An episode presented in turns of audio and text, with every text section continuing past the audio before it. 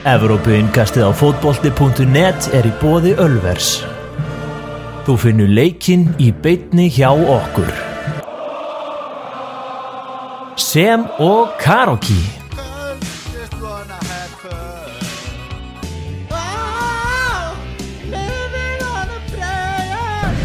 Píla, húl, mjöður, pítsur, hambúrgarar, stemming. Allt á Ölveri Glæsibæ. Yngastið hilsar eh, sunnudaginn 4. november, góður dagur í dag. Eh, Elvar Geir frá Reykjavík og frá Vestmannum er Daniel Geir Moritz. Daniel, þú ert kátur uh, á leiðin í Matabóð, heyrði? Já, ég er á leiðinni í matabúð Sunnudagslæri á Tengdó Búið að vera mjög góð helgi hérna í Vestmanni Ég byrjaði að vinna á bar Já. Ekki Ölveri, sant? Nei, ekki Ölveri er, hérna, Þetta er svona útibú frá Ölveri kannski Nei Þetta er hérna staðinu Bróðis Brúeri hérna í Vestmanni sem er svona ölstofa Þetta er ekki eitthvað svona skemmtistaður eða eitthvað Þetta er bara svona ölstofa fullt af bjórun sem þeir eru búin að brugga sjálfur og svona Já. Og þættur í kjenslunni og komin alfarið í, í bjórin. ég segi það ekki, en ef fólk á hérna, leið til leið, já, mæli ég með að kíkja á þetta, en talandi um kennsluna, þá er ég að fara að mæta í fyrramáli, í fyrsta skipti frá því bara eh, upp úr mýjum september, Þú er búin að vera hérna í feðurólofi yfir já, þig. já Uh, hvernig er svona, þú veist, hvernig er tilfinningin? Eftir spenntur fyrir því að mæta aftur eða, eða kvíðin eða bara svona uh, latur? e, allt þetta bara Já. Veist, auðvitað væri maður til í að vera lengur auðvitað er gaman að, að- veist, mér finnst mjög gaman í vinnunum minni, annars væri ég ekki að vinna við að vera kennari. Og svo er náttúrulega það er fóreldra viðtöl framöndan og eitthvað svona þannig að það er alveg nóg að gera. Það er nóg að gera maður. Heyrðu, þessi helgi í Evrópufótboltanum, hún var, var viðburðarík. Herru, ég ætla samt að byrja með eitt hérna. Að ég sá mann ég fór og fekk mér smá bjór í gær og þá sá ég eitt sem að hann var svona gaf það til kynna að hann væri kannski endurkoma í sitt uppeldisfélag Hæ? Þetta er með skúpi þetta? Nei, þetta er, þetta er ekki besta skúpi en hann Guðjón Orri hann virkaði spenntu fyrir að koma aftur í, í markmannstreguna hjá, hjá bandalæginu sko. Já, náttúrulega Halldór Páll, hann er farin upp á landið. Haldur Páll farinn og hérna þetta var bara svona létt spjall og, og ekkert eitthvað alvarlegt en Er hann ánað með það að þú sért bara að bladur um þetta hérna í einhverju podcasti? það var bara komið ljós Það verður að koma í ljós. en ég spurði hann svona, væri ekki til í að koma aftur og hann sagði, jú, þetta er nú ekki meina það sko. Nei. Erum við byrjum bara á hérna stórleiknum sem var um helgina. Það voru þínu menn á móti Liverpool. já, Er þetta stig uh, unnið eða stig töpuð hjá, hjá þínu mönnum? e, pff, ég veit ekki hvað maður að segja sko. þetta var mörguleiti skrítin og leikur. Þetta var það var eins og það væri bara eitt lið á vellinum hverju sinni, eða fattar mig? Þú veist, það svona, kom rosa mikill Arsenal-kapli, svo kom Liverpool-kapli og svo kom smá eitthvað svona dögt og svo kom annar Liverpool-kapli þetta var einhvern veginn svona já, þetta var ekki bortennisleikur heldur frekar svona hamrað hérna megin, síðan svolítið mikið hinum megin og svo framvegis Þetta var svona ekta samt enskur fótbollaleikur, fannst mér. Já, mér finnst það líka og, og þetta var stórleikur sem stóð undir nafni, það var margt að gerast og margt sem að hægt er að ræða eftir þennan leik en til að svara spurningunni að þá held ég að bæði lið hafi bara farin svona nokkuð sátt uh, út úr þessum leik þannig að stígunni fyrir bæði lið myndi ég segja Maður leiksins. Mér fannst maður leiksins vera jafnvel Granit Saka, hann var mjög góður eh, og Torreira var líka góður og Mustafi var góður ef við tökum svona þessa arsenamenn sem voru eh, svona hvað bestir. Um, hjá Liverpool þá fannst mér uh, mér fannst Van, Dijk virkilega góður í þessu leik. Uh, en á miðjunni þá fannst mér einhvern veginn Já, mér höfðast einhvern veginn flestir í Liverpool vera bara að spila svona 7-5 leik sko Já. og, og hérna á meðan hjá Arsenal voru kannski einhverjir undir því og aðrir kannski svona aðeins yfir því Já, ég hætti að kíkta þess að kopp.is þar sem ég náði bara að fylgjast með þessu leik með öðru augan í gerð sko. Já, það segir Magnús Þórarinsson sem að skrifa um leikin mér fannst Virgil van Dijk frábæri vörninni Mhm. og við hefðum fengið okkur mun fleiri mörk í þessu leik ef hans hefði ekki notið við. Já, Eh, Svo ég held að ég að taka aðeins á undir það sko. eh, svona neðar á síðuna. Þá var einhver skoðanakönnun sem að Kopp.is stóð fyrir og þar kom fram að 69% lesanda Kopp.is telja að Virgil van Dijk sé besti leikmaður Liverpool í dag. 69% það er, það er þokkalir, þokkalir yfirburðir Það er bara jæðra við Rúsland í kostningu sko.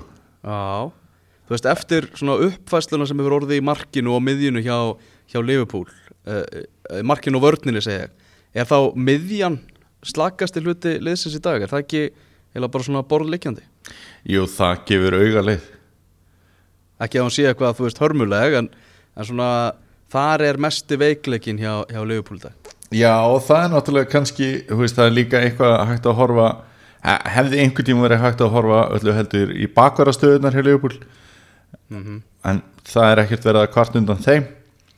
Uh, ég sá líka Leopold menn eitthvað svona verið að tala um að þeir söknuðu Oxley Chamberlain í leiknum í gær að það hefur verið svona leikmaður sem hefur svolítið getað komið með að óvænta svona af þessum miðju köllum að meðan Fabinho og, og Milner og, og Wijnaldum eru ekki mikið í því að koma með þetta svona óvænta eða, eða, eða sprengja leikin algjörlega upp. En við höfum oft séð Chamberlain gera það. Og það hefur verið svona svolítið það sem að e, leifbúmenn söknuðu fram sínum miðumönnum í leiknum í gær. Að komir aðeins óvart, ég bjóst því að sjá Shakiri jafnvel í byrjunarliðinu og Fabinho ekki. Já. Og Segir svona þetta bara svona eftir á því að Fabinho vákaðan var slakur. Sko, það sem ég sá á þessu leik á svona virkaði hann eins og bara oldboys leikmaður einhvern veginn, hann var svona svo miklu þingri og, og, og bara ekkert, einhvern veginn ekkert í takt við leikin sko. Já, mér fannst það samt sko þá, þá fannst þeirra bæði sóknarlega og varnarlega eða? Já, bara svona, ég sá einhverja svona, þú veist, eins og ég segi, ég horfði ekki á hann að leika alveg 100% en það sem Nei. ég sá þá einhvern veginn fannst mér eins og hann ætti ekki heima á vellinu á, á þeim köplum sko. Hann var skári heldur en ég bjóst við sko Ok, hann, hann reynda fær hann að guld spjald uh, í leiknum og, og, og það, það dró svona aðeins á hann að ég veit ekki hann, já samt, hann líka einhvern veginn svona spilaði sig aðeins inn í leikin hann logaði Twitter hjá Liverpool stuðnismönnum það sem að menn voru að kalla eftir því og honum er þið skipt út af. Framist að hans var allavega ekki betri heldur en, heldur en það en ég veit það ekki hérna. Já, já, hann er náttúrulega örugglega hvað slakastur hjá þeim mér finnst það samt bara svona lala í þessu leik, ekkert eitthvað hörmulegu sko. Æ, ok, ok uh, Hvernig fannst þið Trent Alexander Arnold eins og? Herri, mér fannst hann í miklu vandra það var alveg greinilegt svona að uh, Arsenal spilaði svolítið upp á að, að herja á hann. Já, og ég sko ef maður er að spá í svona liðs, upp, uppstillinguna fyrir hennar leik að þá þá fannst mér byrjunarlega Arsenal mjög spennandi og styrlu staðreind þetta var fyrsti leikurinn sem að Lacazette, Aubameyang, Özil og Mkhitaryan byrja allir. Ah. og þetta er svona kannski svona stæðstu nöfnin af sóknarleikmunum Arsenal þó að hérna, já kannski með Aron Ramsey eitthvað stöðar hérna og parið við Mkhitaryan eða eitthvað. En e, mér, mér lést vel á þetta en eftir að higgja þá hefði einhver, hafði Ramsey eða Iwobi frekar átt að byrja heldur um Mkhitaryan, hann var mjög lélugur í þessu leik. Tapaði boltanir trekk í trekk og, og annað. En hjá Liverpool á, þá fannst mér svona þegar maður leita á byrjunarlið þá var ég bara svona wow, djúvel skrítið að löfren sé ekki í miðverði og þá hérna Gómez jafnvel frekar í hægri bakuri heldur en Arnold sem er svona að komast aftur að stað. Og, og löfren er svona leikmaður sem býður upp á hvað maður að segja, geta svolítið svona sparka anstæðingnum út úr leiknum þú veist, meiri þannig miðverður heldur en Gómez. En Löfren var svo bara ekkert í hópi gær og það lítur að vera út af meðslum þannig að þá var ekkert hægt að koma með einhverja margar hugmyndir af byrjunarliðinu, það sagði þessi bara sjálf sko. og sama náttúrulega fyrst að hendur svona Nabi Keita eru, eru, eru meittir en ef við förum kannski aðeins í svona stóru atriðin í þessu leik Já, að þá gerist hérna e, gerist þetta eitt að Liverpool skora mark sem átti klárlega að standa sem var dæmt af. Mm, í stöðunni 0 í stöðunni 0, þar kemur sending hérna einn fyrir og, og fyrir mínu er þarna e, nei, byrju, hvernig var það? Sadio Mane er rángstæður en fyrir mínu tekur boltan og þegar fyrir mínu skýtur að þá er Mane réttstæður og Mane skorar þetta var, mér minna að það hafi reyna náttúrulega komið annað, annað moment þá og, er komið annað moment og þarna klikkaði línuverðinu bara e, mjög og ég sá einhverju verið að tala um að þetta nú ekki, var nú ekki rángstæða veist, hann er að hlaupa þarna eftir boltanum fyrst og bla bla bla bla, bla. þetta var bara klárlega rángudómur Þetta var klálega rángudómur og uh, ef við lítum bara þú veist yfir heimsfótboltan þá eru ennskir aðstofdómarar bestu aðstofdómarar í heiminum já, það er bara svona víðfrækt í dómaraheiminum líka svona á, á stórmótum þegar það eru ennsk tríó þá eru það aðstofdómarandi sem ofta standa upp úr. Mm en þarna, þetta var bara þetta var risastór mistök ég sá að margir stundins með Liverpool voru að kalla eftir myndbandadómgjastlunni var, við ætlum Já. að ræða eins var hérna síðar í þessu, þessu podcasti því að það kom svolítið mikið við sögu í ítalska boltanum í ger ok.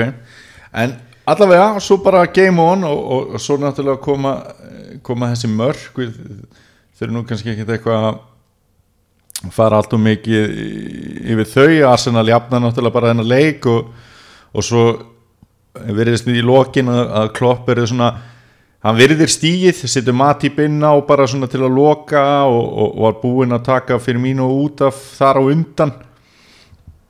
Þannig að hérna það var svona augljóst eh, bara að hann vildi ekki hætta á neitt þegar það voru hvað, fimm mínútur eftir eða eitthvað svo leis og maður skilur það bara vel. Og samaskapið þá setti Arsenal ekkert eitthvað svakalega mikið púður í að reyna að kreista fram þrjú stig en það var, var atvik í þessu leik þegar hérna eh, Henrik Mkhitaryan fær gott skallafæri. Það kemur sér fyrirgjöf og hann skallar boltan og um leið og hann er búinn að skalla þá kemur Becker sérst Alisson og keirir hann niður. Já. Og veist, af hverju er þetta ekki víti? Það er einmitt mjög góð spurning. Boltin er ennþá í leik hann er Já. ennþá inn á vellinum þegar þetta atveg gerist. Já, og ef þú brýtur á leikmanni þú veist, kýlir hann niður þá er það bara vítaspinna ég, ég kallaði eftir uh, veist, ég skrifaði um þetta á Twitter. Ég sagði eitthvað bara klárt víti á, á Alisson og, og klárlega löglegt mark dæmt af Liverpool. Já, já. Og þá fekk ég yfir, mig eitthvað svona bara hvort að ég væri á livjum eða eitthvað sko Varst á lifjum? af, af hverju ég væri ekki á livjum ætti kannski frekar að vera Herri, svo gerist þetta nákvæmlega sama að hérna, Virgil van Dijk skallar í stöngina já, og það var meira að segja jafnvel aðeins grófara og Leno keirir hann niður sko. Já Leno var svona klaufalegri því heldur en Alisson var í hinúðatökinu algjörlega sammála því. Og boltinn fór í stöngina þar þannig að Van Dijk er kannski svona virkar í sókninni heldur en þegar Mkhitaryan skalla framhjá. En þetta er svolítið samt netur sem við erum að tala um sko, en og þá, þá, var, hérna, þá var ég spurður á móti hvað, var þetta ekki víti á Leno eða og, veist, og ég er náttúrulega sjálfsögur bara jú, veist, ég var ekkert að skrifa um, um þetta með einhver assanakliru mér finnst bara mjög skrítið að markmenn megi kýla leikmenn í andlitið eins og við séð dæmi um ef þeir skalla boltan framhjá. Já, já, en þú veist, þetta er ekkert einstæmi maður er að sjá þetta í, í mörgum leikju bara nánast í, hverri viku í Evrópuboltanum. Já, ég fatt ekki, þú veist, að því að það hafa verið svo mikla framfarir á mörgum reglum og eitthvað svona, eitthvað svona skrítin atvik hafa verið svona afmáð úr fótboltanum. Já, já, og það er tvent sem að maður núna uh, væri til í að sjá. Það er að, að þetta væri víti og svo ef að það er búið að flauta og ef að leikmaðurinn tekur boltan upp með höndum þá ætti það alltaf að vera já En Það er samt ekki hægt að segja annað heldur en að dómarinn hafa allavega fyllt línunni hérna Nei, nei. það hefur verið verra hérna dæmt á annað aðtökið en ekki hitt Já, algjörlega en hérna þetta var svona klauvalegt annars fannst mér hérna í þessu marki sem að James Milner skoraði að þá fannst mér Leno svolítið eiginlega gera mistök í því að kemur hérna fyrirgjöf sem að hann þarf jafnvel ekki að fara út í en fer samt úti og kýlir, kýlir þá illa í staðan fyrir að grípa og veist, það var svona klaufalegur. En ég sagði líka við þig að Peter Tjekk verður komin í mark Arsenal í desember. Já, já. og svo var að náttúrulega, sjá það gerast. svo var náttúrulega hérna, mjög undarlegt í marki Arsenal hvað hérna Alessandri Lacazette fekk rosalega mikinn tíma til þess að skora þetta mark.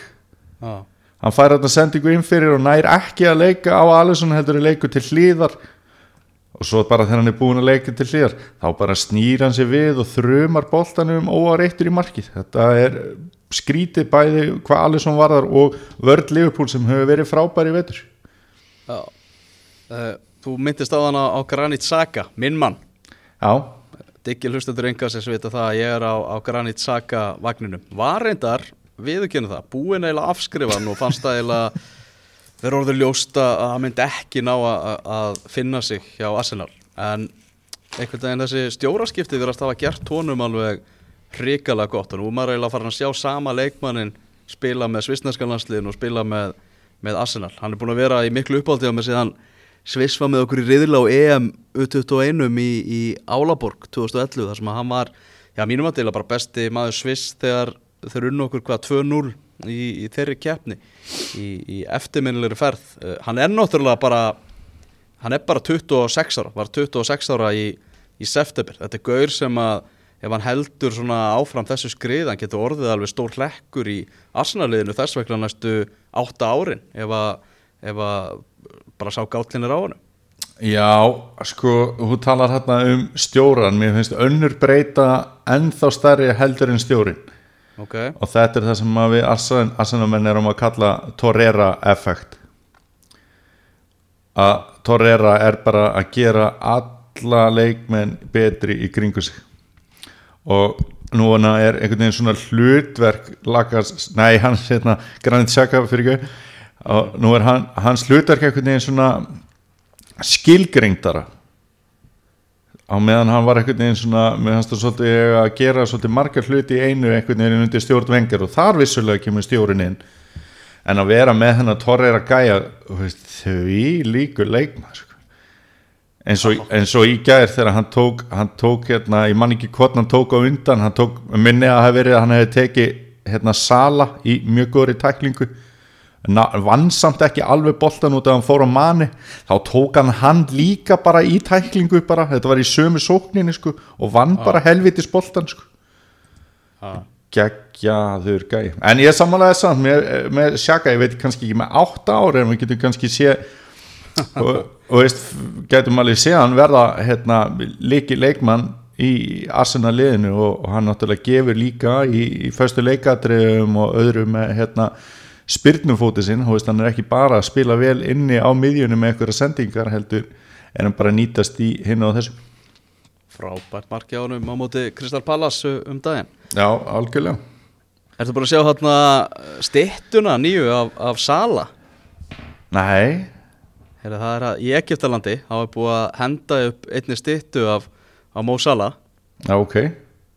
Og hún fer alveg í flokk með sko Ronaldo stittinu hérna á flugvellinum í Madeira sko. Já, er þetta bara eitthvað slis? þetta er hérna hann er með allt í einu rosa mikið hár hann er svolítið svona að fella ín í Já, já, já. og hérna þetta er mjög eitthvað þegar svona svolítið svona barnvæn stitta það er erfitt að lýsa þessu eitthvað veginn í, í podcasti. En endilega bara prófið að, að googla þetta. Þetta var, var ný stitta af Sala og hún hún er áhugaverð. Við getum orðað það þannig Og ég er líka bara hvet, hvetjum fólk til þess að gera fleiri stittur, það er alltaf gaman að því, sko.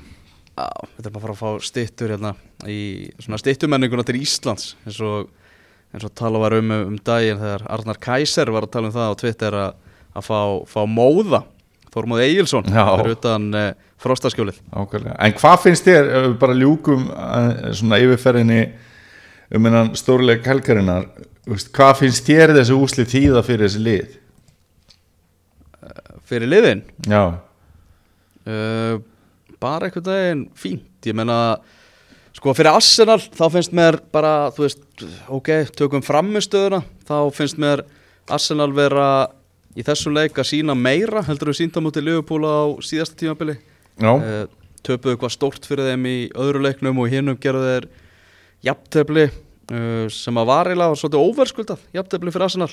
Mm þannig að ég held að svona þetta svolítið þessi leikur síndi framistu, með, með framistöðunni hvað, hvað Arsenal er, er komið langt.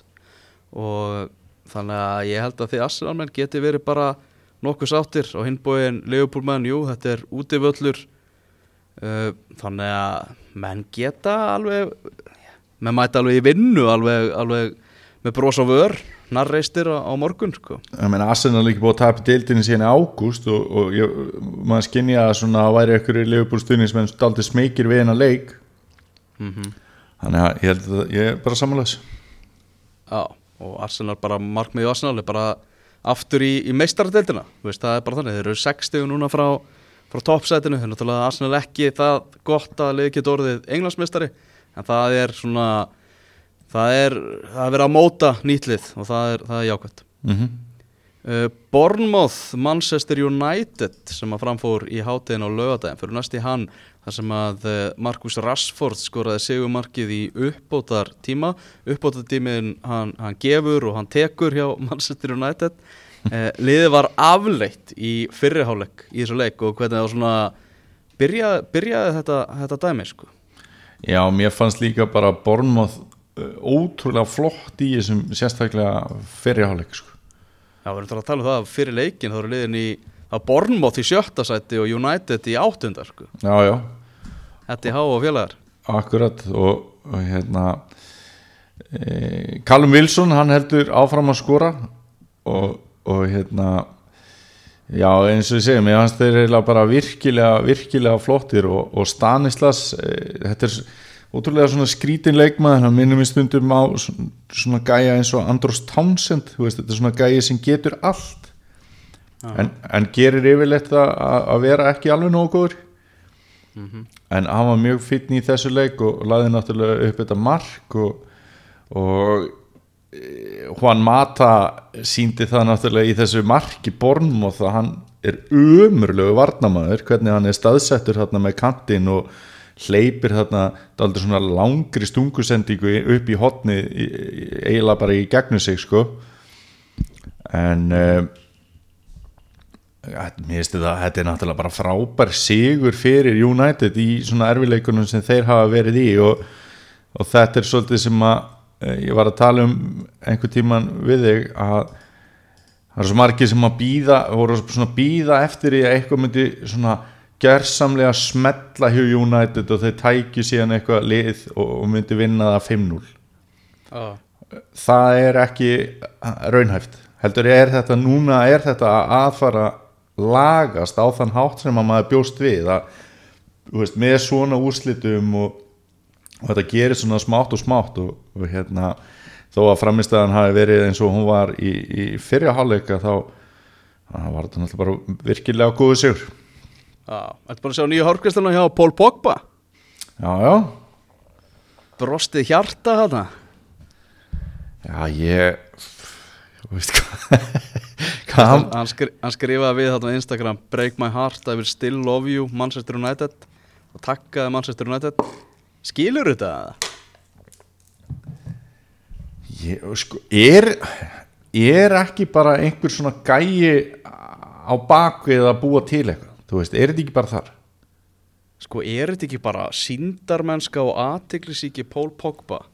Þú veist, hann vill að á kaffistöðum um allan heim sé verið að ræða hann allan daginn út og inn. Hvort, hvort sem það er hérna, aðhlupans í vítaspitnu og eitthvað en svo síndi líka segja með því að svona endur taka þetta með því að vera að fara upp í bílinn hérna á samfélagsmiðlum og eitthvað. Já, já. Og hendi sér síðan einhvern veginn í þessa hárgærislu og tengir hana við Manchester United án þess að nokkuð skilja Mhm. þetta er bara bara mesta aðtiklisíki sem ég, ég hef séð sko. Uh, er það ekki bara allir lægi samt? Pff, jú, ef, hann vill vera það sko það þarf hann ekki að fara að gera þú veist, væri þetta ekki meira í lægi ef hann gæti eitthvað inn á fótboltavellinum jú, jú Það er vissulega sko Já, veist, veist, er ekki betra að, búa til umtalið með, með framistöðunni þar sko? Ég sko, ef þú ættir að skilgreina uh, bara svo við tökum hérna smá Balotelli dæmi sko. Ah. ef þú ættir að skilgreina uh, bara í einu orði fótboltaferil Mario Balotelli hvort, hvort ertu nærði að segja hans í hetja eða trúður? Trúður. Þú skilur hvað ég á við? Já, skemmti kraftur, Eh, nei, nei ég, ég ætla að nota þessi bara tvö orð hetja eða trúður. Trúður. Alltaf. Já, já, veist, Pól Pogba, hann, hann getur valið svona þarna á milli sko. og miða við hvernig hann hefur verið eftir heimsmeistaramótið er hann nærði að láta skilgrina sinn feril í ennsku úrvasteildinni sem trúður heldur nokt í mann hetja já.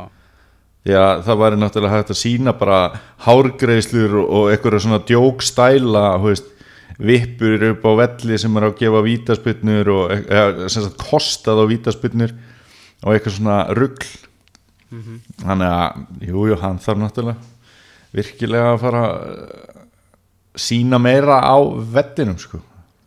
Mikla líkur á því að á miðugudaginn verði Manchester United fallið niður í Evrópudeildar sæti í meistaradeildar riðlinum sínum. Uh, þeir eru að fara að heimsækja Juventus og miða við svona bara leik uh, þessara liða á, á Old Trafford um daginn þá er Juventus að fara að vinna þannleik Valencia er að fara að keppa móti Young Boys og það ætti að vera sigur. Þannig að Manchester United verður vantar í þriðja sæti sínum riðli í meistaradeildinni eftir miðvíkudaginn uh, skulum ekki dæma það en það er, það er hætta á því að United bara fara ekki áfram í meistaradeildi Evrópu. Já, það er náttúrulega rosalega vonbrið og e, hva, hva, hver er er mér líkur, hver eru líkunar að þetta ætti út? Einn á móti tíu uh, ég myndi segja þú veist að, að þetta væri eiginlega bara betur þeirra þess að eftir náttúrulega spila bæða móti Valencia og Young Boys. Mm þú veist það er bara úrslita leikur á, á móti Valencia leikur sem þeir þurfa þá að, að vinna. Já, uh, ég myndi segja 65% að þeir fara áfram. Já, ég ætla að bjóða betur, ég ætla að segja 75% ok ég, þá býður þú betur. Já, ég held að þeir fari áfram en þetta er náttúrulega að koma sér í erfiða stöðu en ég meina það er náttúrulega ekkert skrítið. Við erum náttúrulega búin að koma sér í mjög erfiða stöðu í deildinni líka en núna er þetta einhvern veginn svona finnst mér bara svona batamerki aðeins á þessu og ekki bara úrslitunum heldur líka svona framistöðinu líka eh, liðsvalinu. Það er einhvern veginn svona það eru færri spurningamerki hvernig liði hjá United verður í dag heldur en voru bara fyrir mánuði síðan og, og það finnst manni vera merki um að þetta sé eitthvað að þókast þér í rétt átt. Áhugavert að Manchester United er bara búið að skora tveimur mörgum minna heldur en Liverpool í deildinni. Einmitt. Sérstaklega, sérstaklega út af þegar markaskorari hefur átt afleitt tímabil hinga til. Romelu. Lukaku. Hvar var Lukaku? hann var allavega einhver skýring að hafi verið meðsli já, það er eitthvað, eitthvað fundið þarna til. Það er allavega ekki að hjálpa honum að þessir tveir leikir hérna sem hann er búin að vera út í kuldanu núna séu, séu báði sigurleikir hjá United. Nei, nei, það sjálfsög ekki. En e, það var náttúrulega líka einhverju búin að kalla eftir því að hann fengi svolítið að kvíla sig þegar hann hefur virkað svo þungur. Ah. en um, þegar United er með alla leikmenn heila og er að stilla upp sínu sterkasta liði þá er hann í því, ég held að það sé ekkert að það deilum það Vindum okkur yfir til Wales þar sem að eh, Leicester City mætti heimsókn, mætti Cardiff tilfinningaþrungir stund og, og leikmenn Leicester bara með tárin í augunum þegar þessi leikur fór af stað. Áhörundur tóku, tóku fullan þátt hvort sem það voru stuðningsmenn Cardiff eða stuðningsmenn Leicester. Eh, vel gert hjá félaginu Leicester að þeir buðu hérna uh, þeim sem voru að fara að ferðast í leikin upp á morgunmatt á King Power Stadium áður en þeir heldu í, ferðalagið. Uh, og það var sigur hjá, hjá Lester, Demari Græ með eina markið í þeim leik. Uh, hvað finnst þér um það að hann hafi fengið guldspjald fyrir að fara úr treyjunni þegar hann skoraði þetta mark? Og þar voru skilabóð þarna til Vítsæ eiganda. Uh, mér finnst það rétt. Já. reglurnar eru þannig En sem dómari, ert ekki bara, þú veist, hann, hann var í hetja í dag ef hann hefði bara, hefur horfum ekki á þetta, horfum ekki á þetta, þetta gerðist ekki, bara sleppum þessu. um, Myndi að fá refsingu hjá anska knassbytursambandinu Já, ég held það. Og, þú veist, þetta er einhvern veginn svona ógæðislega leiðilega regla. Og ég er ekki, tal, ég er ekki talsmaður hennar. Nei, nei, en þú varst að spyrja hvort að þetta hafi verið rétt og þá er svona svar við því er bara já og, og þó að hann sé að gera þetta að þessu tilefni þá hefur það bara svo oft verið gert að það hafa verið alls konar tilefni og þá er það þú veist, er þá orðið eitthvað matsatriði í dómara hvað er nógu og dramatíst til þess að þú megi fara úr treyjunni?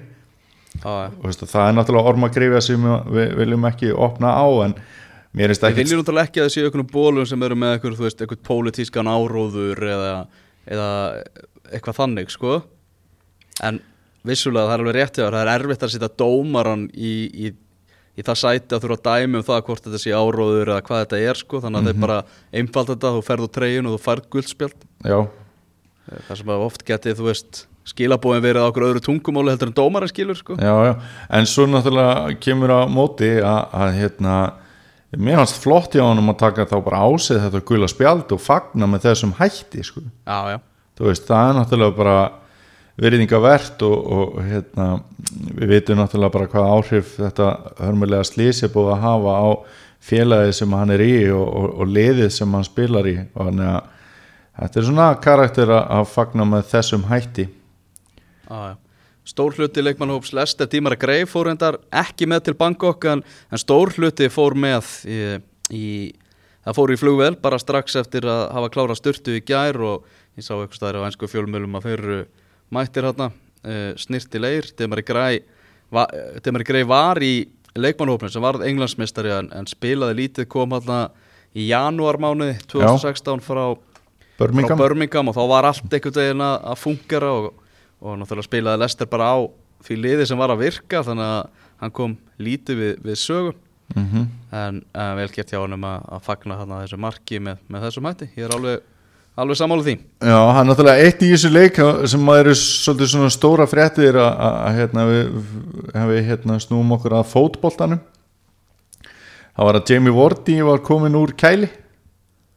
Já, hann, hann var í byrjunarliðinu í þessu leik hafði ekki byrjað leikina á undan og, og hérna e, það er spurning hvað áhrif þetta hérna veist, hvort það hefur verið orðin einhver núningur á milli hans og Cloud Puel og, og svo þegar kemur einhver, einhver svona hörmung fyrir að þá, þá gleymum við nú ofta einhverjum deilumálum sko. Já, já. Og spur, elsaði sjálfur að hann hefði aldrei verið stoltar af því að vera stjóri Lester heldur en akkurat núna. Nei, akkurat hvernig allir eru að díla við þetta áfall sko. Akkurat og hérna þó að þó að sé náttúrulega ekki gleði efni að svona gerist en þá er ekki lókum fyrir það skotið að þetta geti haft jákvæð áhrif á liðið og bara hvernig þeir þjaffi mönnum sama þjappi mönnum saman og, og, og svoleiðis. En veist þeir voru náttúrulega að spila á móti næst lélegasta liði deildarinnar og, og, og taka 1-0 sigur. Þannig að að það er fín, fín, fínir þrýr punktar á útivelli. Aron Einar var með skári mönnum hjá Cardiff en það þarf ekki mikið til. Nei, en Cardiff er eh, bara einu stíi frá örgu sæti þannig að þeir eru alveg í, í föllri baróttu já, þannig að það er bara, bara áfram gakk hjá þeim. Gilvi Þó Sigursson og félagar í Everton þeir eru nú 3-1 sigur á móti Brighton þar sem að bara Gilvi helt áfram að spila fanta vel og, og veri í leikið hlutverki hjá, hjá Everton. Herðu, í fyrri hálfleik hann er að spila í tíunni og hann er að skapa færi. Ég, ég, reyndar hérna bara ekki eftir tölfræðinni alveg eftir leikin og eiginlega bara því að ég held að hún hef ekki haldið svo sama þannig að mér langaði ekki að tjekka og ég bara að tala um tölfræðinni sem var slengt fram eftir fyrirháleikin en hann var, hann var sagt í tíunni og hann var með 100% hefnaða sendingar. Já, 100% já. Hún gerir ekki betur en það. Þetta er svo 100% er best. Geggjaðu gæi sko. Já, já, og hérna, mér, ég skynja þess að hann uh, væri pínu pyrraður á hérna, Brasilíumanninum Bernard já, og hérna með hans Bernard stundum þetta aðeins í það að spila ekki síður fyrir sjálfan sig heldur en liðið. En svo var náttúrulega leikmaður sem að stál fyrirsögnunum eftir þennan leik þó að Gilvi hefði verið frábær. Það var Ísja Lísson sem að setja tvö mörg og, og hérna hann var bara frábær og hann virðist vera að finna sig alltaf betur og betur í þessari center stöðu Já, uh, því að Volkot heldur áfram að svona uh, vera ekki frábær. En hann var samt skári í þessu leik heldur en í, í mörgum. Hann hefur ekki verið að finna sig því að hann byrjaði svo vel þegar hann kom til þeirra í januar en bara þetta var ekki að segja að þetta hafi nú verið svona nokkur neginn skildu sigur hjá Evertón og þeir bara leistu það vel. Jú, ég held að sé óvægt að, segja það. Uh, Vesta með 42 sigur á móti Burnley, þar var Jóhann Berg Guðmundsson með virkilega snirtilegt mark fyrir, fyrir Burnley. Að því miður þá, þá gaf það liðinu lítið í, í þessari viðri. Já, já, og hérna Vestam er einhvern veginn svona hvað maður að segja, þeir eru svolítið að finna taktinn og, og, og Filipe Andersson var frábær í þessum leik. Sem að hérna, þú beist nú spenntur eftir að sjá í Vestam treyjunni heldur betur. Og hann skora þannig tvö mörg og, og, og svo er Arnatóviðs með mark og stóðsendingu þannig að þessi tveir gæjar gera svona hvað að segja, svona miðlungslið geta gert þau góð. Þannig að það verður bara spurning svona hvernig staðan verður hjá hjá vestan þegar við teljum upp úr kössunum í vor. Ákvæmlega En fyrst eru búin að vera svona að, að snerta þess á, á Íslandingunum í, þá kannski tökum við smá út út úr yfir til Þýskalands þar sem Alfred Fimboðsson skoraði fyrramark Augsburg í 2-2 jafntefla á móti Nürnberg um helgina. Og Alfred er komin með 6 mörg í 5 leikjum. Hann er uh, bara einu marki frá markaðustu mönnum í, í þessari deild. Geggjaður guður sko og hva, í hvaða lið ætlar að setja henni í janúar? Ég var einmitt að pæli því Þú veist, félög sem að hugsa heyrðu, Við þurfum að fara að skora mörg uh, Nýtum hennan janúarklukka Hvaða leikmenn eru fáanleir Bara er, er raunhæft að ná í.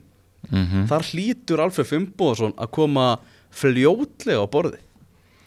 Það myndi ég segja. Og við getum, tekið til dæmis ef við ætlum að fara í ennsku úrastildina þá getum, þá getum við sé liðið eins og Krista Palas Já. Og Það Njúka, gera mikið fyrir Crystal Palace. Hann getur nefnilega gert það og, og, og hérna, þeir eru ekki beint í svona run kraftafótbolta. Þeir eru frekar í einhvern veginn svona minnst, stundum eins og að því að þeir eru náttúrulega líka með Saha sem er þeirra langbesti leikmaður. Ah, að það finnst mér að vera nær því að spila svolítið svona hvað að segja þegar þeir eru að sækja að vilja gera þetta bara eins og Liverpool að reyna að keira bara þetta á þetta sko og Alfred myndi náttúrulega henda bara mjög vel í svoleiðis Ég menna að liðin sem eru í ennskúrastættinu hafa ekki nátt tveggjast af að tölu í skoruðu mörgum eru Crystal Palace, Southampton, Newcastle, Cardiff og Huddersfield. Mhm. Þetta, eru, þetta eru félög sem munu leitast eftir því að fá strækir í janúarklökunum. Já, myndir þú Ég væri rosalega mikið til í að sjá Alfreð í ennskúrastættinu. Ég líka, en myndir þú vilja sjá hann í Höttersfield Nei, myndir ekki frekar vilja bara hafa hann í Augsburg ég er bara sammálaður að, að, fá hann í Crystal Palace. Já, eða Newcastle, ég var líka mjög spenntið fyrir því Já, það væri líka, já, það væri, það væri margir sem var ánægða með að sjá hann í, í Newcastle. Ég það sé klart mál. Einmitt. Eh, talandi um Newcastle 1-0 sigur hjá þeim Sigur, fyrsti sigur Newcastle kom um helgina. Mhm. Þetta er bara þvílíku léttir. Ég held einhvern veginn að, að sunnudaslærið hafi verið Já, talsveit betra hjá Rafa Benítez í kvöld heldur en, heldur en flest aðra sunnudag Ég held að það sé alveg hár rétt en eh, af þessum liðum sem eru þarna, ef við að taka bara Burnley, Southampton, Newcastle, Cardiff, Fulham, Huddersfield þú veist, þetta er svolítið mörg lið sem manna eru þarna í, í hnapp og við getum í raun og verið sett Crystal Palace í þetta líka en þeir eru efstir þarna, þeir eru 14. og svo eru hinni þarna fyrir neðan Burnley, Southampton, Newcastle, Cardiff, Fulham og Huddersfield. Þá hefur mér finnist Newcastle spila best af þessu liðum. Já þó að úrslitin hafa ekki dottið þannig að hérna, En þarna voru þeir í svona, ég held að þessi- leikur hafa verið svona nokkurn veginn 50-50 leikur sem þeir ná að klára. Já, og, og náttúrulega móti sjóð þetta liði. Já, og hérna, ég meina, Watford er, er, er fyrir ofan Manchester United þegar leikir helgarinnar að hefjast. Þetta er svo bara, þetta er svo ekki léttir að vera Þú veist, geta haka við þetta, þetta er bara komið sko. Já, Nú eru, þú veist, fjölmjölar hættir að tala um hvenær kemur fyrsti sigurinn sko Já og, og, og hérna þeir eru líka heimaleik klukkan þrjú á lögadegi næstu helgi og, og nú er það Bournemouth sem er svona að einhverju leiti áþekkt lið og Votvort, þú veist, þeir geta tekið þetta svolítið með sér í, í næstu helgi og það kemur mér ekkert og óvart í njúka sem myndi klára það líka þó að Bournemouth séu búin að vera svona góðir sko. Já, Það stundur bara þegar hlutinni byrja að ganga þá ganga þeir aðeins áfram og, og, og hérna er bara líka með það góðan knassminnistjóra að nú held ég að úslitin farið svolítið að svona, já. Þetta, þessu undirbúinist tímabilið þeirra sem að gekka, gekka það svo langt, það vonandi er því bara lokið Newcastle manna vegna. Wolves, eh, Tottenham við fengum uh, leik á laugardagskvöldi í hans skúrastildinni uh, Tottenham komst í 3-0 í þeim leik Wolves náða minka munin en, en komst ekki lengra. Úlfarnir, þeir eru í 11. sæti Burnley búið að skora fleiri mörk heldur en Wolves. Uh, þetta lið sem maður hugsaði þetta verið gaman að horfa, horfa á Úlfan að spila skemmtanagildi hjá þessu liði átt að vera miklu meira og bara árangurinn betri þetta búið að vera vombrið Já, algjörlega og í stöðinni 3-0 þá var ég bara svona ertu ekki að grínast sko, af því að þeir voru svo ógeðslega lélegir. En síðan kemur á daginn að- þeir fá hann að þessar þessa tvær vítaspyrnur og, og hérna skora úr þeim báðum. Þetta var orðin hörku leikur enn í lokin sko. Já, og Wolves var, veist, þetta var mjög skemmtilegu leikur þó að þeir tapunum ef við höfum að tala um svona skemmtana gildi. En já, já, miða við hvernig þeir fóru líka svona stað inn í þetta tímabil þá var auðvelt að heillast að úlunum en þeir hafa ekki eh, staðið eða staðið undir góðri byrjun það bara, eða fyllt en eftir öllu heldur Það er mikið verið að tala um Pochettino í stjórastólinn hjá, hjá Real Madrid og jafnvel verið að tala um það að Florentino Pérez bara ætla ekki að gefast upp, hann ætli bara að, að, að fá Pochettino og ætla að halda bara bráðabyrjastjóra þar til að Pochettino segi já, að hann sé bara þetta er bara maðurinn sem, að, sem er hinn útvaldi hjá Pérez já, er það ekki bara þannig? Jú, við getum trúið því, en, en heldur að hann láti freistast já, heldur að Pochettino verði næsti stjóri Real Madrid? Ég, sko það er náttúrulega ekki bara hans ég meina Tottenham ræðu þessu líka svolítið. Já. Ve, ve, veistu hvað hann er með nákvæm samning er hann ekki nýbúin að gera eitthvað eða tiltölulega nýbúin að gera eitthvað samning og það. Tottenham í svona sterkri stöðu gagvartónum og svo sagði hann í einhverju viðtali ekki alls fyrir löngu að hann var alveg til í að vera bara út ferilinn hjá Tottenham sko. já, þetta er reyndar þú veist, þetta er alltaf svona jarðbundin gæi sko en ég þú veist, þetta Tottenham er samt Real Madrid sko. Ég segi það, þú veist, með fullri virðingu fyrir tóttina sem er náttúrulega eitt stærsta félag bara í sögu ennsku deildarinnar veist, þá þá er möguleiki að hann fái mitt raunhæft tilbúð og góðan tímapunkt til þess að taka við Real Madrid. Við getum líka að segja jafnvel um Master United einhvern tíman og, ég, og ég held að Tottenham sé ekki stærsta félag sem að Positino mun þjálfa á sinni æfi Uh, Leikindir í dag, mann seti City vinnur 6-1 sigur á móti Southampton, Raheem Störling með tvö mörg, Uh, Raheem Störling er það ekki besti enski fótboltamaður í heiminum í dag Uh, nei, ég myndi frekar segja Harry Kane heldur en Störling í dag, Já, ok. Er það að menna bara heitasti? Já, kannski heitasti, þá þá væri Störling að vinna þetta va? Já, já, ég, ég, ég skal vera með þér í því sko. Já, En ef að besti og ef maður ætti að velja í sitt lið þú veist, ég myndi alltaf taka Kane frekar. Já. En Störling er náttúrulega, já, já. Það er, eru- Eru þeir betri heldur en í, í, á síðasta tímabili? Þeir eru ekki slakari, sko.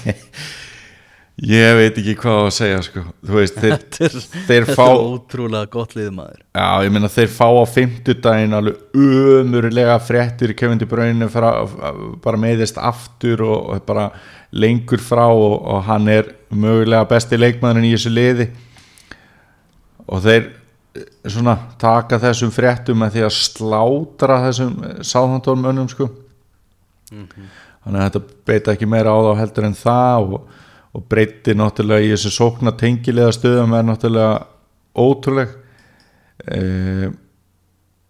já, ég er betri enn í fyrra. Neða, þú veist ég já, er það ekki bara? Ég meina Maris er búin að koma hérna flottur inn. Hann byrjaði ekki í dag heldur voru Sani og Störling og henn voru náttúrulega geggjaðir svo verðist hann vera búin að finna núna algjörlega vördina sína. Og þetta miðvara par með Stones og Laporte þetta er, þetta er, þetta er geggja dæmi. Þú veist líka bara Því því að að Laporte er ekki búin að spila sko landsleik fyrir Frakland. Á, Þú veist hann á ekki A-landsleik að baki. Það er, það er styrlu staðrænt sko. Á, það er reyndar fáranlega staðrænt Já Það var annar leikur í dag þar sem að Chelsea vann 3-1 sigur á móti Crystal Palace. Þar er einn gæi sem heitir Alvaro Morata sem að hefði getað skora þrennu var að sætta sig við tvö mörg hann er komið með fleiri mörg heldur en Lukaku. Hann er maður sem er búið að tala um mikið að sé í krísu en hann er hann er búin að íta á ontakan. Hann er búin að finna hann. Já, hann er að tróða sokkum og hann er raun og veru kemst inn í þetta almennilega kannski út af meðslum hjá Oliver Giroud að að hann er að fá svona hvað maður að segja, leik eftir leik og, og hann er allavega loksins að svara einhver, einhvers konar kalli og mér fannst það mjög góður í dag. Meðan það líka meðan það ekki, veist, ekki bara þessi mörg meðan að Chelsea menn áttu auðvelt með að finna hann í fætur og, og hérna mér fannst gaman að horfa á hann mér fannst svona eins og klukkanslægi gleði og, og bara Já, þetta var svona eins og öðru sig karakter, auðvitað kom náttúrulega fyrsta marki svona, nei það kom reyndar ekkert eitthvað það snemma. Þeir voru nú aðeins í smá tíma að brjóta á brjóta á niður hérna en, en já, já, mér, Morata hann náttúrulega þetta er náttúrulega góðu leikmaður. Hann, hann hefur náttúrulega ekki fundið sig eins og vonistóðu til og, og skarði sem að hann átti að fylla var Diago Costa það er nú ekkert smá verkefni og hann er, nú, hann er náttúrulega ekki búinn að því en hann var náttúrulega að halda svona áfram þá, og Chelsea að halda áfram að vinna leiki. Meina næsti leiku Chelsea er heimaleikur á móti Everton og Chelsea ætti nú að vera líklegri í, í, í þeim leik og þá ætti Eden Hazard að vera komin í byrjunarliðið aftur. En umtalaðasti leikmaður Chelsea undanfarnar vikur, hann heitir Ross Barkley. Já, hann gati ekki shit í þessum leik. Já það verður bara að segjast alveg eins og er. Og nú er náttúrulega maður sem er farin að gera setja mikla press á hann. Rúben Loftus Cheek sem að skora náttúrulega þrennu í Evrópadeildinni í síðustu viku. Já, já. Já, ég menna við skulum ekki fara að fella ykkur að stóra dómar og sparkli er búin að vera frábæra á þessu tímabili þráttur en eigi eitt leika sem að það er ekki öll ljós kveikt sko. já, ég er bara sammála því og, og, og hérna ekkert í til fyrir stöðu að hann mun eiga stórleik næstu helgi sko.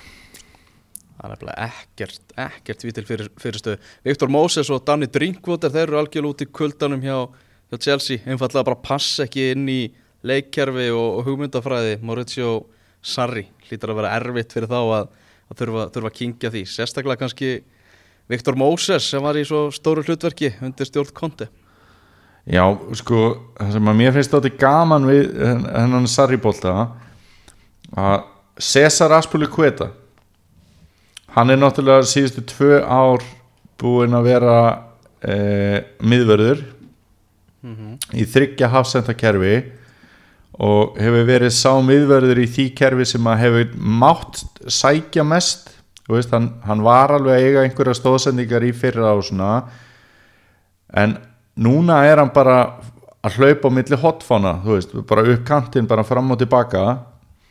Og það er ógeðslega gaman að sjá hann aftur komin í þessu svona bakverða stöðu að því að hann er svo geðvekk góður í fótbolta.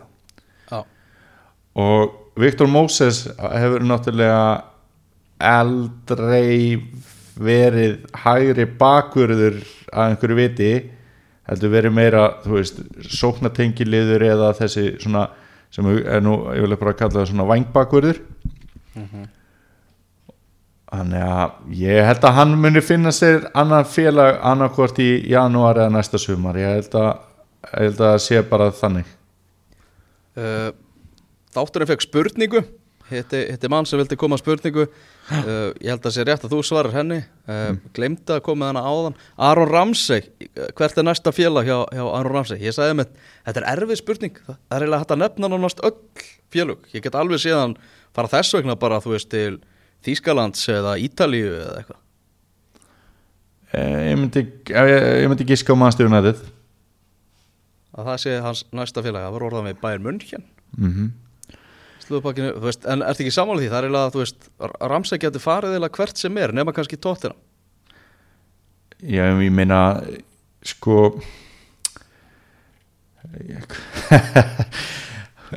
erfitt að svara þessa spurningu. Það er erfitt líka að svara spurningur í hvernig leikmaður er Aron Ramsey.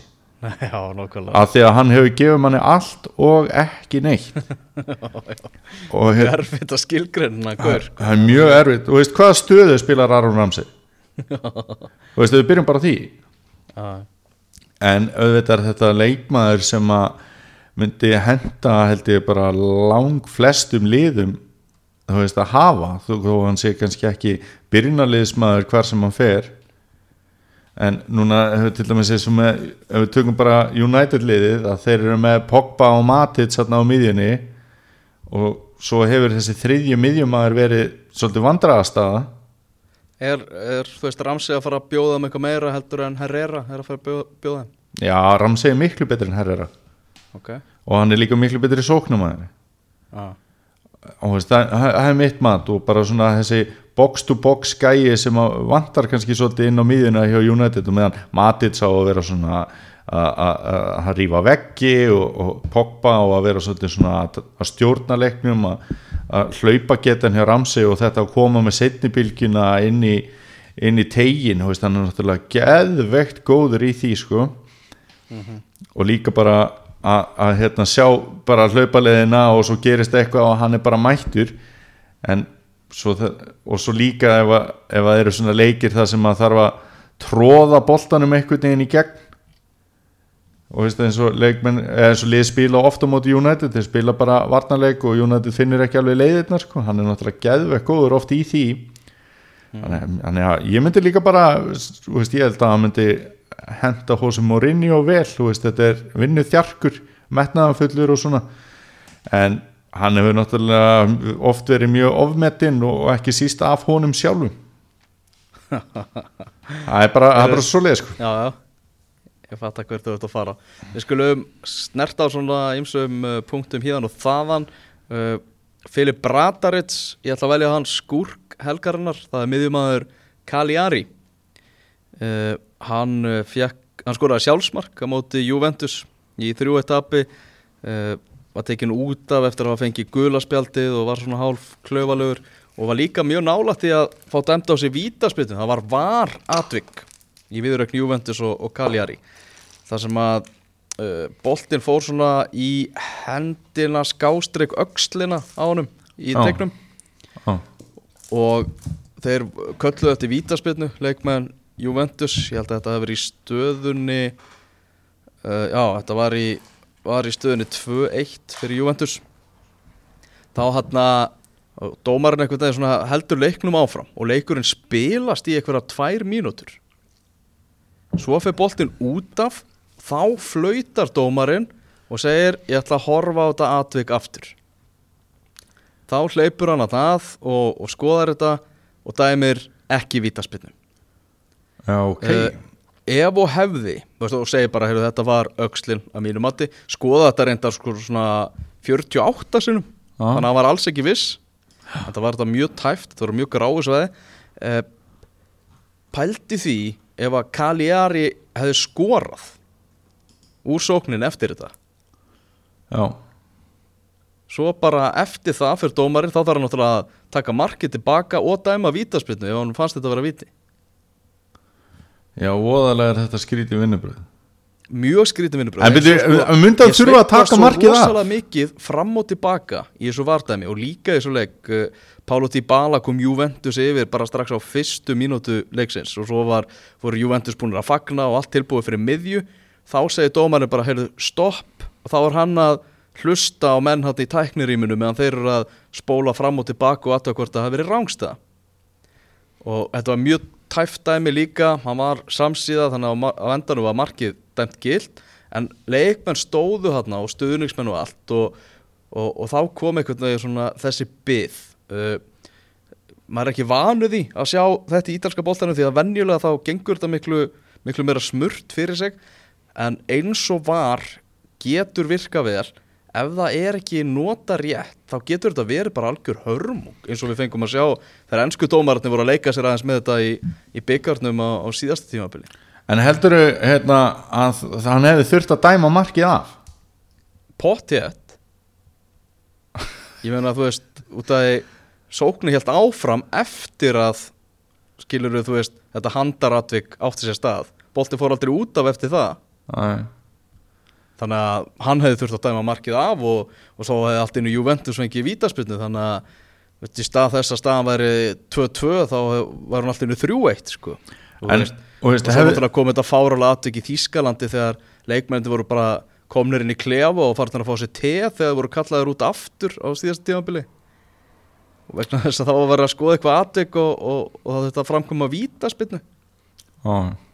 veist, eins og var er þú veist, í mörgum tilfellum vel gert og, og, og mörg atvik á HM og svona þá, þá þú veist, maður vill ekki sjá eitthvað svona bull, sko. það þarf að fínpúsa þetta betur en þetta En er eitthvað sem segir að, að dómari megi ekki fara í var meðan boltin er í leik og ef veist má, að bara stoppa leikin, Já, má hann ekki stoppa leikin og dæma svo bara dómarakast ég þekki það ekki sko. Æ. Það hefði náttúrulega verið eðlilega heldur en þetta tveggja mínútni bíó sem þú vorst að lýsa. Já, Og veist- vera eitthvað hálf tregur hann að myndbastómarinn hann var frekar lengi að spóla tilbaka sko. Nei, ég meina fyrsta, þú veist, ef það kemur uh, það sem ma- maður getur kallað döitt moment í leik en boltin í leik, þú veist, ekki döitt moment að því hann fyrir yngast, heldur bara svona þú veist, að þarna átt að vera víti og svo kemur döitt moment Mhm. þú veist, þá finnst manni að svo vari að virka sem best að þá er dómarinn að stöða bara leikin og kíkja á þetta og svo er það bara dómarakast. Það er ekki, er ekki flóki framkvæmt já. Juventus vann þennan leik 3-1 uh, ég var ánað með Ronaldo í leiknum. Hann var mikill svona hann var mikill liðsmaður, hann var mikill að leita samherja sína uppi og, og lagði meðal hans upp uh, 3-1 markið fyrir Juventus. Þannig að hann var ekki, hann var ekki einspila uh, CR7 í, í þessu leik mm uh, Vein Rooney, hann mun taka landsliðskona af hillunni í síðasta skipti þegar England tekur á móti bandaríkjunum í uh, vinátturlandsleik á Wembley þann 15. november þetta staðfesta ennska sambandið í dag. Rooney náttúrulega markaðistur í sögu ennska landsliðsins þannig að hann fær allt einu svona góðgerða leik búin að vera að gera fína hluti með DC United í MLS reynda lið úr leik þar en honum að kenna. náttúrulega fær, svo, hann fær svona tíu mínútur í, í þessu leik hvað finnst þér um, um þetta? það var náttúrulega honum að kenna að þetta uttu út Já, þú veist, það er engin, það engin skúrkur í vítaketni, Daniel, ekki vera með þetta. Það segði Roberto Bacci og það Herðu, en hérna Mér finnst þetta mjög skemmtilegt Ég er sammálaður. ég bara, mér finnst þetta frábær hugmynd og, og hérna mér hefur fundist bæði hjá United stuðningsmönnum uh, og líka oft, oft þeim sem að hafa áhuga á enska landsliðinu Rúni ekki fá það kredit sem hann á skilið sem góðsögn og þá er líka þú veist, þú veist, kannski sérstaklega hjá United stuðningsmönnum. Það er nú oft bara sem að veist, hans afrekka einhvern veginn gleymast og falla í skuggan þá af. Út af hann var náttúrulega sama tíma á Ronaldo og eitthvað svona skiluru en hann náttúrulega geggja hann fyrir þar líka eitt sem ég fór samt að hugsa hann er þá þarna að fara að spila sinn 120. landsleik Já. og Peter Shilton er leikjahæsti leikmaður í sögu Einlands og hann á 125 eða 6 leiki og veist, mann finnst svo skrítið að því að Rúni hafði öruglega eitthvað að gefa ennska landsliðinu þegar hann laði landsliðskona á hilluna Þú veist, það, var Já, ekki. Þá er ég ekki að tala um sem líkilmaður eða byrjunarliðsmaður eða fyrirlið eða eitthvað svo leiðis og veist hvað þú veist, ef, maður situr sig í þessi spór hefði maður ekki haft þetta met svona bakveg eirað og, og reynt að treyna þetta aðeins til þess að ná svo metinu líka? Veist, orði, kom, kom örgum óvart að myndi með það- að hann hendi bara skónum á hilluna sko. Já, náttúrulega einfaldar hlutina mikið fyrir Southgate að gera það því að hann er svo stór karakter en ekki hérna, stór hluti af leikplani Englands, hann hefði aldrei verið það eftir hann laði landslískona á hilluna og þess vegna kannski gerir hann það. Þannig að það er stórmannlegt að gera það. Og það kannski hann höfði alveg léttilega að geta náð nokkur landsleikjum í viðbútt bara veist, í því hlutverki að, að vera bara hluta hópnum og, og veist, spila þegar á þur, þarf að halda sko. Já, það er alveg satt. En það er náttúrulega líka kannski fyrst hann er að gera hætti með þessum hætti að þá er kannski auðvelt að verðluna hann þá með þessum leika. Og auðveldara, þú veist. Hann er náttúrulega ekki einu maður sem að fæðir svona kveðjuleik eh, Ronaldo, hann fekk kveðjuleik gegn Rúmeníu 2011 fimm árum eftir að hann spilaði uh, landsleikin þar á endan uh, spilaði þá í, í korter kom inn á sem varamæður á eftir hálftíma. Ef hann tekið sér hann að velli í hálfleik og, og hjælti ræðu í hálfleiknum. Það er, það er skemmtilega þeir það er eitthvað geggjað bara, bara eins og Ronaldo Já. var sko. uh, Lukas Podolski hann fekk uh, kveðuleik gegn Englandi. Uh, einhverju mánuðum eftir að hann laði landsleiskona á hilluna skoraði þeim leik. Og Tim Cahill hann fekk sérstakann kveðulandsleik gegn Líbanon í bara fyrir, fyrir stuttu, stuttu síðan. Af hverju er kveðuleikur eða smára ekki búin að fara fram skoraði Lukas Podolski með þrjusubombu eða? Já, það ekki. Eða svo skalla, ég veit það ekki. Ha, sko það var náttúrulega mjög oft talað um þennan leik eðsmára að fá sagt bestu landslismenn sem að hann hefur spilað með á móti bestu félags einhverju svona draumaliði af leikmennum sem hann hefur spilað með félagsliðum. Þetta er, þetta er held ég svona fótbolta draumur hinn almenna íslenska stuðningsmanns. Þú veist, hva, fá, hva, fá Lamport og félaga. Fá Lamport og, og, og, og bara Messi og Thierry Henry og eitthvað svona og, og Ronaldinho. Já, að spila móti, veist, þessu, einhver, þessu landsliði sem að væri hægt að setja og þetta gæti náttúrulega verið svona sprelli leikur skiliru og bara gaman að sjá einhverja svona kalla, þú veist, það væri til dæmis geggja að sjá bara leikmenn svo Dan Petrescu eitthvað, eitthvað svona. Partíleikur skilju, bara þú veist, allir hressir og svo fara allir þessir kallar bara á, á, á felguna bara verða, fara, fara á fyllir í Já, en þetta er náttúrulega kannski óraunhæfur eh, eða daldi óraunhæft. Þó að manni finnst það sann skrítið, menn af hverju okkur er þetta ekki alveg raunhæft? Ah.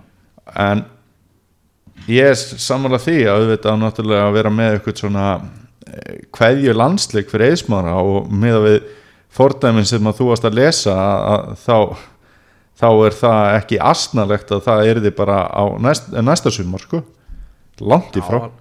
alls ekki, alls ekki.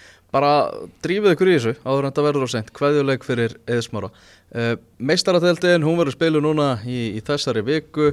Uh, Lionel Messi í leikmannahópnum hjá Barcelona, hann er að snúa aftur. Barcelona fara að keppa á móti Inter, svo er náttúrulega spurningin er meistarateldin að fara að kveðja eftir nokkur ár? Uh, það er náttúrulega hávar að sögursakna um það að stærstu fjölu Evrópu sé að ræða sín á milli um að stopna sérstakka ofurdeild og, og bara kveðja meistaradeildina, nenn ekki að vera að spila móti eitthvað Young Boys og, og Malmö og eitthvað, vilja bara spila sín á milli þar sem að þá verða til meiri peningar. Uh, Ertu hrifin að þessari hugmynd, Daniel? Ég held að svona hugmynd kvikni bara að því að það er lítið að gerast á Twitter. Og, og menn, fa og menn Heldur fara að það sé ekki alvara í gangi bak við þetta? Nei, nei, nei. Ekki neitt. Já, ég held einhvern veginn að það verði alltaf það miklu þröskuldar í veginum að, að þetta verði ekki að, að veruleika. Nei, þetta er líka bara hundlegilegt og, og mann finnst jafnvel bara að það mætti að ég veit það ekki. Eins og bara þegar Rosenborg var í meistaradildinni hérna þegar, þegar þeir unnu hérna, norsku deildina 100 ári röð eða eitthvað. Ah. og veist þarna um og upp úr aldamótum eða hvernig það var. Og veist, þann, mann fannst ógeðslega gaman að fá eitthvað svona lið. Og veist, það er gaman að fá svona lið inn í meistaradildina þeir til dæmis spiluðu heldur bæði á móti Real Madrid og Juventus og töpuðu ekki á heimaðalli ah. sem að var náttúrulega mikið svona fyrir teil og, og svo var það bara búið og svo byrja meistaradildin svona að meira viti í 16 löguslitum og mér finnst það bara skemmtilegt fyrirkomulega Já uh, Næsta sunnudag eftir viku, Daniel, þá er bóð upp á ofur sunnudag. Við erum að tala um Liverpool Fulham, við erum að tala um Chelsea Everton, Arsenal Wolves Manchester City, Manchester United og svo er einnig stórleikur í ítalska bóltarum, það sem AC Milan og, og Juventus eigast við. Það er gómsættur sunnudagur í vendum. Hvernig er þú stendur fyrir því að fara á Etihad með, með þitt lið, við getum orðað það sem svo. Ég er illa stendur fyrir því. Og uh, held að þetta getur orðið ljótar tölur. Alltaf, æ, kannski ekki ljótar tölur en þetta verður, þetta verður sannfærandi og örugt hjá Manchester City. Og ég menna Mourinho er að fara að mæta þarna með einhverja hundleðilega rútu taktik, ég vil, ekki, ég vil ekki hugsa út í þetta, ég vil ekki tala um þetta hlakka bara til að, að horfa á Milan Juventus á sunnudagi næsta. Já, vonandi að AC Milan taki bara þann leik, það eru mínu menn hérna á Ítalíu sko. Já, ég vona líka að sem Milan vinni þetta. Juventus sem er 60 á fórustu og það þarf aðeins að, að búa til meiri spennu í, í ítalsku aðdeildinni. Já, herri, ég ætla að aðtuga hérna eitt þið, maður sjá. Við erum að tala um hérna 12 12, nei við erum að tala um hérna Þetta er 11, maður ekki Maður sjá 11 er það. 11 er það. Já, hver Hver heldur að stuðullin sé núna á lengjunni á að Liverpool vinni fúlham? Veit það ekki. Hann er 1,06 Þannig að þú tapar eiginlega bráði að veðja hann Þetta verður auðvelt fyrir, fyrir Liverpool. Já. Herðu, ég byrði að heilsa til vestmanni að Daniel. Takk fyrir kvöldið. Sömulegis og bara góða stundir